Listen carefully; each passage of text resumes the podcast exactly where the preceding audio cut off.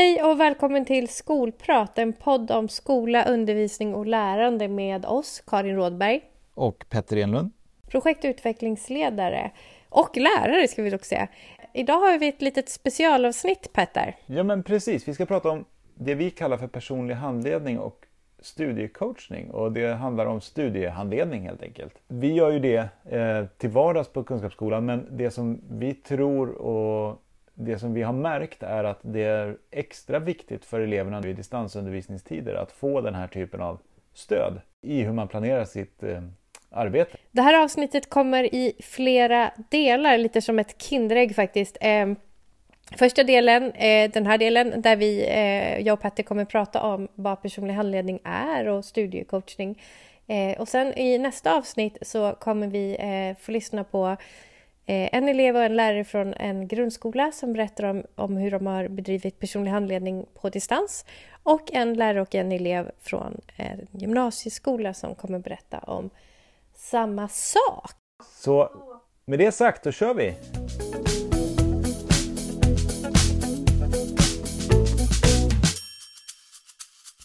Hej Karin! Hallå Petter, hur är läget? Ja, men det är bra, det är bra tack. Vi sitter ju på olika platser numera när vi pratar med varandra. Ja, vi gör ju det. Men fin tapet eh, tycker jag att du har. Tack, jag sitter i barnens rum idag. Du, vi, ska ju, vi håller på med det här avsnittet kring personlig handledning och vi pratar om det på distans eh, just nu av självklara anledningar. Vad är personlig handledning? Och en personlig handledning är, om man börjar så här, om man är lärare på Kunskapsskolan eller Kunskapsgymnasiet så har man två roller. Den ena är ju den här ämneslärarrollen Eh, man planerar och, och, undervisar, utvärderar och bedömer och allt det där. Men den andra rollen, på grundskolan kallar vi det för personlig handledning och på gymnasiet för studiecoachning. Eh, och det handlar om att, så man har liksom två roller som lärare kan man säga. Eh, och i då rollen som personlig handledare eller som studiecoach så har man en grupp av elever på basgrupp kallas det. Det är det som är mentorsgruppen i vanligt. Ja, precis. Eh, och, och den träffar man varje morgon och varje eftermiddag på grundskolan. Så dagen börjar med en basgruppssamling och dagen slutar med en basgruppssamling. Och på den här samlingen så planerar eleverna sina mål och strategier med stöttning av sin handledare. Eh, så i början av veckan så planerar man mål och strategier i loggboken Eh, och i slutet av veckan och, och kanske varje dag helst då så ska man ju utvärdera och reflektera. Men i alla fall en gång i veckan så görs det. Övrig tid lägger man på att sitta på nyheter och bearbeta och diskutera dem. Man kan jobba med värderingsövningar. Eh, någonting som vi kallar för framtidsförmågor som handlar om till exempel strategier för att lära sig. Eh, det handlar mycket om här, att utveckla och jobba med självregleringsförmågor, trycksel och trivsel. Eh, att liksom individen men också individen i gruppen, för det, det här gruppsammanhanget är ju så otroligt viktigt. Så, så då kan man säga att personlig handledning på grundskolan, man har en basgrupp som man tillhör och den följer man oftast alla år man går. Eh, och utöver det så har varje elev ett samtal 15 minuter i veckan med sin personliga handledare, ett enskilt samtal. Eh, som kallas för PO-samtal på grundskolan. På gymnasiet kallas det för studiecoachning. Eh, men principerna är ju de samma kan man säga. Eh, så. Vad, vad spännande, vad, vad, vad, intressant. Jag vill backa lite bara innan vi går över till PH-samtalet. Så vill jag prata lite mer om det här med basgruppssamling. Du säger att man börjar dagen och man slutar dagen eh, så här. Nu, jag, jag, vet ju det här också, eh, men jag, eh, jag låtsas nu att jag är en, en person som inte vet något om personlig handledning för att det här samtalet ska bli lite bättre. Jag förstår det Petter, att nu låtsas du bara. Så att jag vill bara förtydliga det. Eh, Okej, okay. så att man börjar dagen så och man slutar dagen så. Och du nämnde att bli en person i gruppen och att, att hitta sitt sammanhang och sådana saker.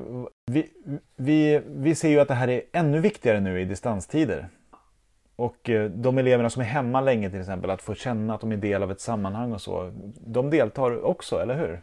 Ja, eh, lärarna eh, bjuder in eleverna eh, på, till morgonsamling fast via ja, hangout eller meet eh, och, eh, och, och, och, så att eleverna kan delta där och få, eh, få den stöttning de behöver. Framförallt, och då gäller det väl mycket fokus på det här planeringsarbetet av mål och strategier och utvärderingen. Det är svårt att vara med och kanske kolla på nyheter digitalt på det sättet. Men får den stöttning som, och den blir ju än viktigare i den här strukturen, att liksom ha en plan för dagen och veta eh, vilka lärare som finns tillgängliga och all den här informationen som är så viktig.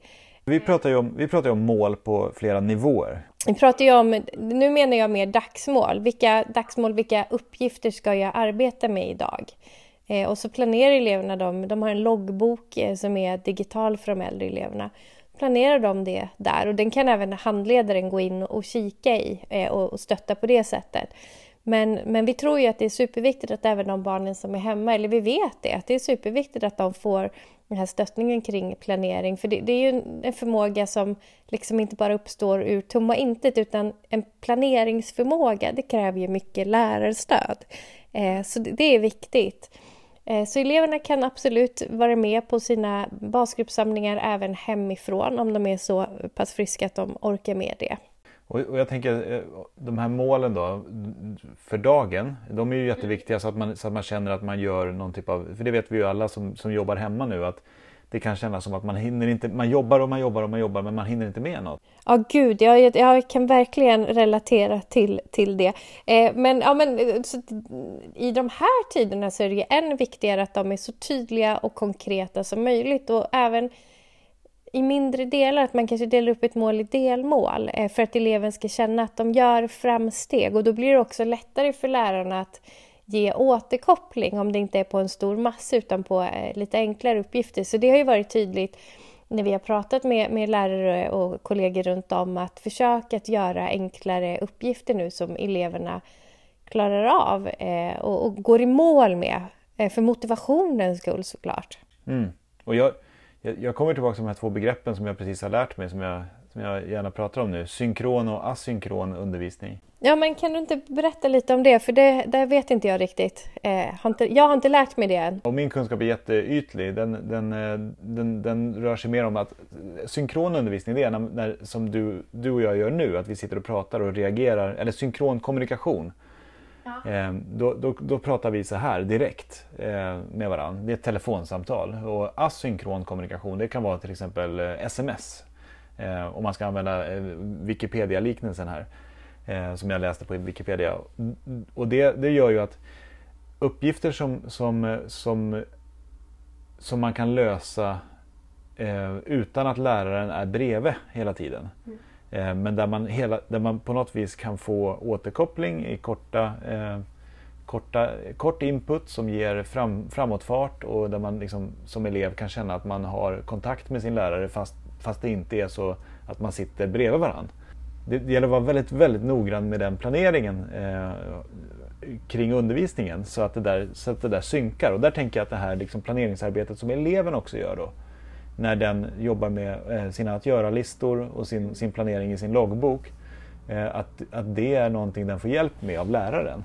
Ja, ja och det tar ju, alltså i vanliga fall, det tar ju lång tid för en elev att lära sig det här och det går upp och ner under åren de går på grundskolan också för helt plötsligt så är man i puberteten och då tycker man allt är jobbigt och då orkar man inte.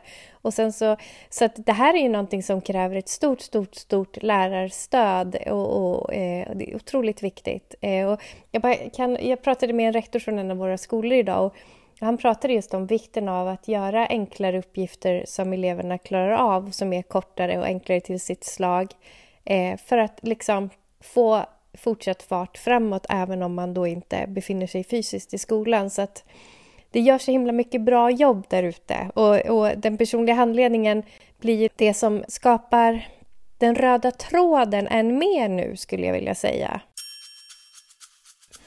Det, det, man kan se också är ju, tycker jag, hur viktigt det är med de här digitala hjälpmedlen som gör att man faktiskt får, du, du pratade om planeringen för veckan och du pratade om planeringen för dagen. Och då har vi ju, en, vi har ju något, ett, ett, digitalt verktyg som vi kallar för loggboken där man, där man skapar att göra-listor och kan utvärdera och reflektera. Men mm. man kan ju tänka sig typ Google Keep eller eh, eh, något annat, Evernote eller... Ja eller, ja, eller bara liksom skriva upp det i ett delat dokument. Alltså det funkar ju också eh, såklart.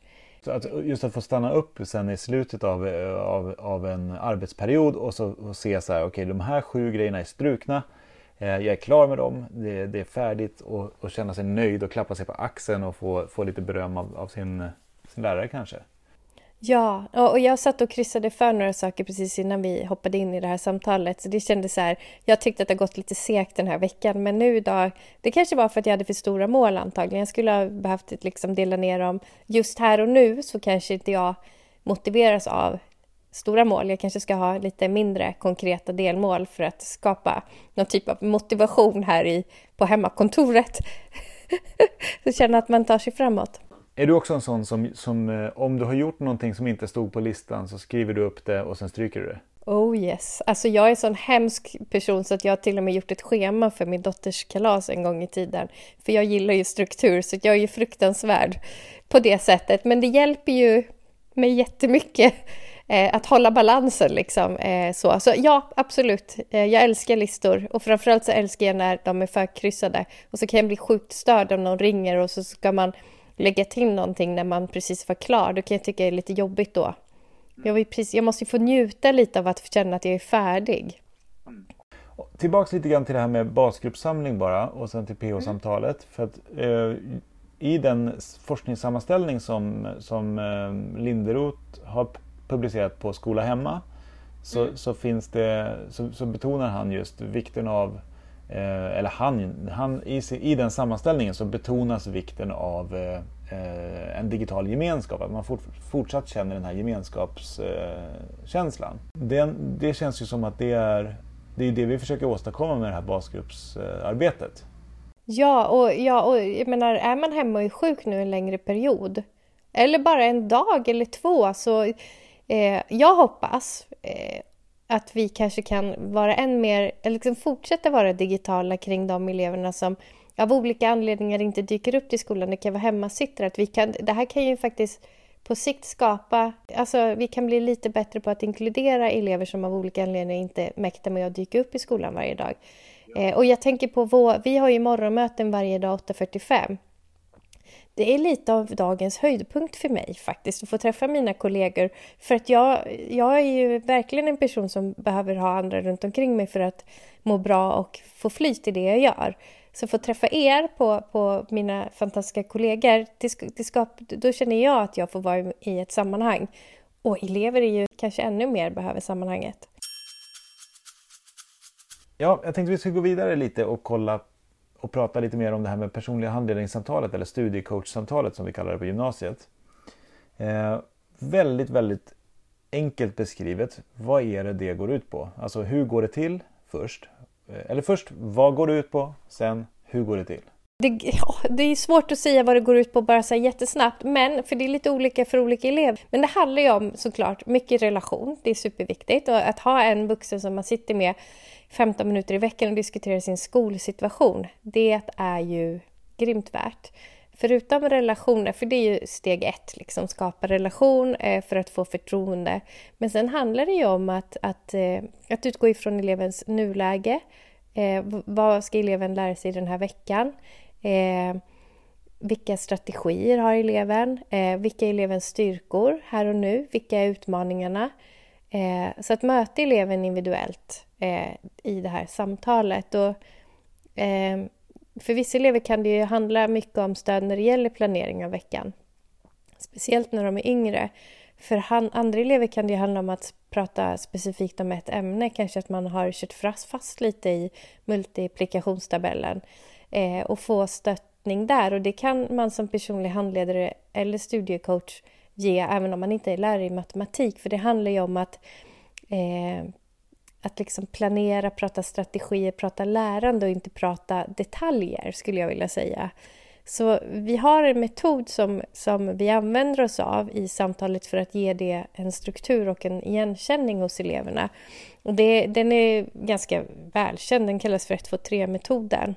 Och det handlar egentligen om att, ja men såklart en inledning där man välkomnar eh, eleven, eh, kolla läget, kanske prata lite om vad som har hänt i helgen eller vad som ska hända i helgen eller hur det gick på eh, basketmatchen eller skateboardrampen eller vad det nu är som eleverna tycker om att göra. Och sen så börjar man med att prata om elevens nuläge. Hur är det nu? Var är du nu? Hur ser din vecka ut? Vad, vad har du tänkt att arbeta med? Eh, så, vad är målen för veckan helt enkelt? Eh, och, och, här är det ju eleven som på något sätt ska kunna eh, föra ett resonemang om det här. Och det, det, kan inte alla elever göra, för de kanske inte ens har planeringen på plats. Men då hjälper man dem med det. Och sen så pratar man om önskat läge. Vart ska du då? När veckan är slut. Eh, och okej, okay, hur ska du ta dig dit? Alltså strategier. Och optimalt är ju att fokus är mycket på strategier. Då, eller då har man kommit, inte optimalt, jag tar tillbaka det, men om fokus ligger mycket på strategier i det här samtalet, då har man kommit ganska långt, skulle jag vilja säga. Eh, så. Och sen avslutar man samtalet genom att eleven helst summerar vad vi kommit fram till, vad vi pratar om. Okej, vad blir ditt första steg? Vad ska du göra sen? Så eleverna har det sorterat för sig. Jag skulle fråga en sak där. Jag, jag tänkte att vi kan prata om varje del kanske. För, för vi, vi kommer ju med det här avsnittet lägga ut en infografik som man kan eh, ladda ner om man vill se, se, på de här, se på den här metoden lite mer i detalj. Eh, om man vill göra det här med sina egna elever. Så. Eh, men i inledningen där så pratade du om att man skulle prata lite om eh, ja, men, hur gick det på fotbollsmatchen, eh, knyta an till eleven så. Finns det inte en risk där att det blir för privat? Att man är för Ehm, det blir kanske svårt för vissa elever att liksom hitta rätt, eh, hitta rätt där. Alltså, de kanske inte vill svara på hur det har gått på fotbollsmatchen, de vill bara prata om skolan. Hur, hur ska man förhålla sig i det där läget? Man ska följa eleven, tänker jag. Eh, nej, eller så här. Eh, det är klart, det finns ju också elever som bara vill prata om fotbollsmatchen och inte prata skola, så det måste ju finnas en balans. Vi måste, men jag tror att det är viktigt att nu vill jag inte säga så här tre fjärdedelar skola, en fjärdedel eh, socialt. För jag tycker inte att ett samtal är ett samtal. Man kan liksom inte, även om jag älskar scheman så där biter jag mig i tungan. Eh, så. Men, men jag tror att det handlar ju också, ju bättre man lär känna sina elever desto mer vet man ju vad, vad, vad är okej för den här eleven att vi pratar om och vad är inte okej. Jag hade en elev som vi hade inte så mycket liksom att prata om vi hade inte, men, men till slut, liksom efter ett och ett halvt års tröskande så kom vi fram till att, eh, att vi kunde prata om böcker. Förutom skolarbete så kunde vi prata om böcker. En annan elev eh, ville prata om Star Wars och det var ju supersvårt för mig för att jag kunde ju ingenting om Star Wars. Eh, så, men, men det handlar ju liksom om... Det här sker inte första samtalet, inte andra eller tredje heller, utan det är en process. Jag tänker på Jonas Aspelin, jag tror att det är han som har skrivit att eh, relationen som man skapar med eleven ska vara produktiv utifrån utbildningens mål. Skulle du instämma i det? Ja men gud vad bra formulerat.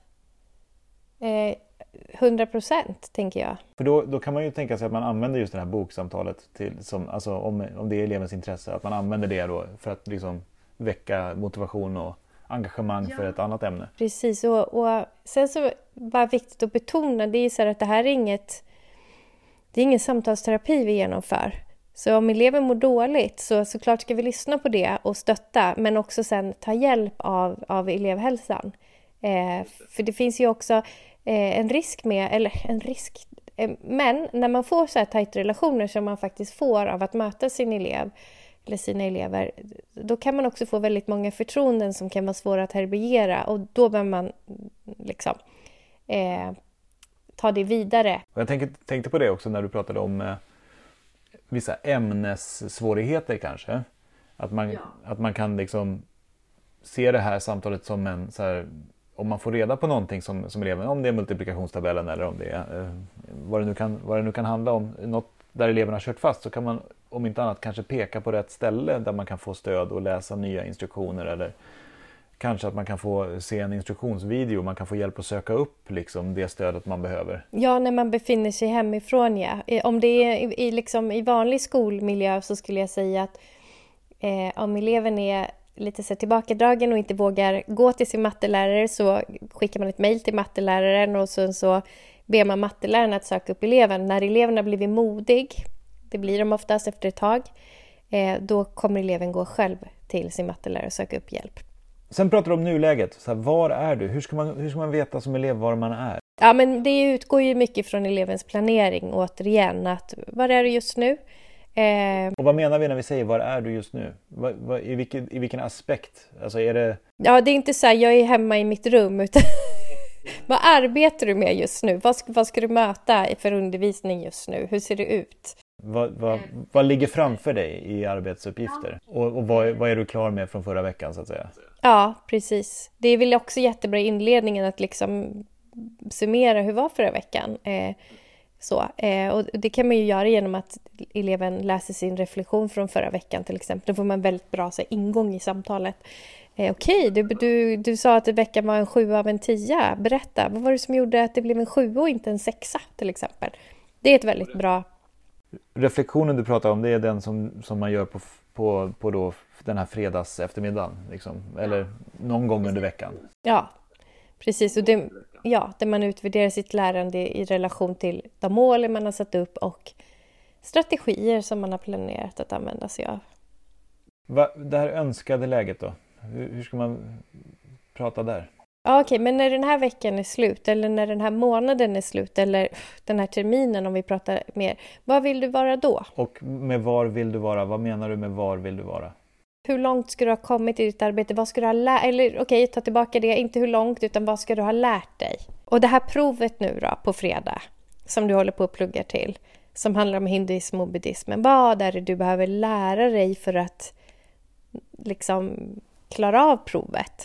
Och hur ska eleven veta det? Ibland vet ju inte eleverna det och då får man ju hjälpa till och säga, men kolla här, här står det att det är det här du ska öva, det är de här frågorna du ska, du ska det är den här texten du ska läsa. Eh, ibland vet eleverna det och kan det redan. Eh, så det är också jätteolika. Eh, så att, ja, ibland så tänker jag att det här PO-samtalet är som en dans. Eh, för att man vill ju inte Alltså ett gott samtal, då är det ingen som kontrollerar utan då sker det som det sker mellan oss nu, lite så. Och då blir det ju som en dans. Jag svarar an på dina frågor och du reflekterar och så kommer det tillbaka någonting. Och det här kan inte jag regissera utan det sker ju bara. Eh, så det är ju som en dans. Så om man som lärare vågar släppa kontrollen så kan det ju bli otroligt spännande liksom. Jag tänker när du, när du säger släppa kontrollen, jag, jag, jag vill ändå bara gå tillbaka till det här med, med lärandet och vart man vill ta sig vad gäller lärandet. Mm. Det känns ju som att, eller det känns som att, vi vet ju att det är väldigt viktigt att ha tydligt formulerade mål för undervisningen. Mm. Eh, och att eleven känner till de målen för att man ska kunna reflektera mm. över vad det är man ska göra. Och det är ju tydligt också beskrivet i den, i den här forskningsöversikten från Skola hemma. att vad är vi tydliga med var eleven ska, alltså med vilken, vilket resultat som vi förväntar oss att eleverna ska uppnå, eh, då blir det lättare för dem att jobba hemifrån. Eh, och det relaterar ju direkt mot det här samtalet och det du beskriver i att man ska liksom, dit man ska ta sig. Att eleven måste förstå vart den ska för att kunna ta sig dit. Och du måste kanske också förstå vad det kommer krävas av dem i tid och ansträngning. Eh, och förstå uppgiften och uppgiften Eh, Eh, det är liksom inte bara att planera in att jag ska göra så här mycket i matte utan okej, okay, jag vill göra så här mycket i matte. Hur mycket tid och energi kommer det ta i anspråk? Är det rimligt att jag ska hinna med det här på en vecka? Ja, det är det. Jag kan nog hinna med mer. Eller nej, vänta nu. Jag kanske tar bort lite grann. Och det här, är väl, det här tycker jag är så intressant för det blir ju nästan aldrig så att man exakt hinner allt man ska eller att man exakt, alltså att man hittar den här balansen eh, som elev. Utan det är ju just den här, man sätter upp ett mål och så jobbar man mot det. Eh, mm. Och sen försöker man utvärdera hur, hur gick det? Och vad, vad gick bra, vad gick mindre bra? Och att det är ett så kontinuerligt lärande och en kontinuerlig liksom reglering av, av ens eget eh, arbete. Ja, för om man säger att man når alla mål varje vecka då kan man ju tänka, ah, har du verkligen tydliga, utmanande och rimliga mål eller är det så att vi skulle kunna utmana dig lite mer? Eh, och om man liksom når hälften av sina mål varje vecka så kan man ju tänka, oj, men vi kanske behöver liksom mm, tänka, för det är ändå så en härlig känsla att gå i mål eller nästan gå i mål. Att få bocka av det här som vi pratade om inledningsvis. Om man, om man nu inte eh, har det här på schemat med sina elever, men man, man, man blir lite man, man ser nyttan med det och man blir inspirerad och, och skulle vilja eh, göra det här med sina elever.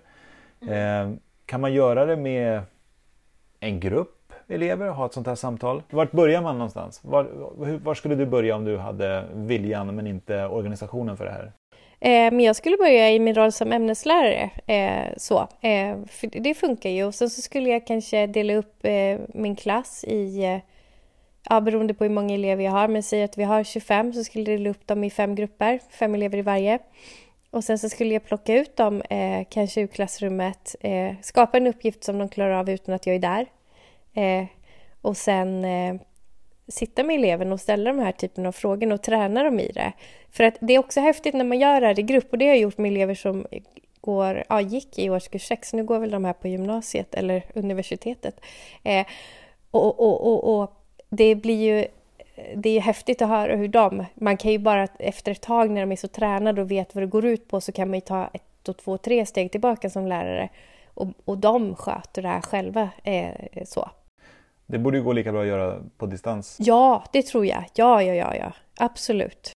Det, det låter ju också, eller jag tänker, jag tänker ganska mycket, har tänkt ganska mycket på det nu på, i, i, i, relation till gymnasieundervisningen nu när vi, när vi har gått över helt på distans där. Att studiecoachsamtalen har varit väldigt viktiga för många elever i det. Mm. Att, att man går över och inte har den här typen av liksom yttre strukturer längre utan man, man, har, man har en länk via datorn liksom, och det är det som är kontakten med skolan. Eh, det blir väldigt viktigt att bli, känna att man har någon där på andra sidan som lyssnar på en och som känner en. Ja men det är ju helt fantastiskt att få det. Verkligen, verkligen. Och som liksom månar om att man ska komma vidare. Ja, det var det. Som sagt, eh, vi följer upp det här avsnittet med då intervjuer med elever och lärare på grundskolan och gymnasiet. Så att inom kort kommer det ett till avsnitt.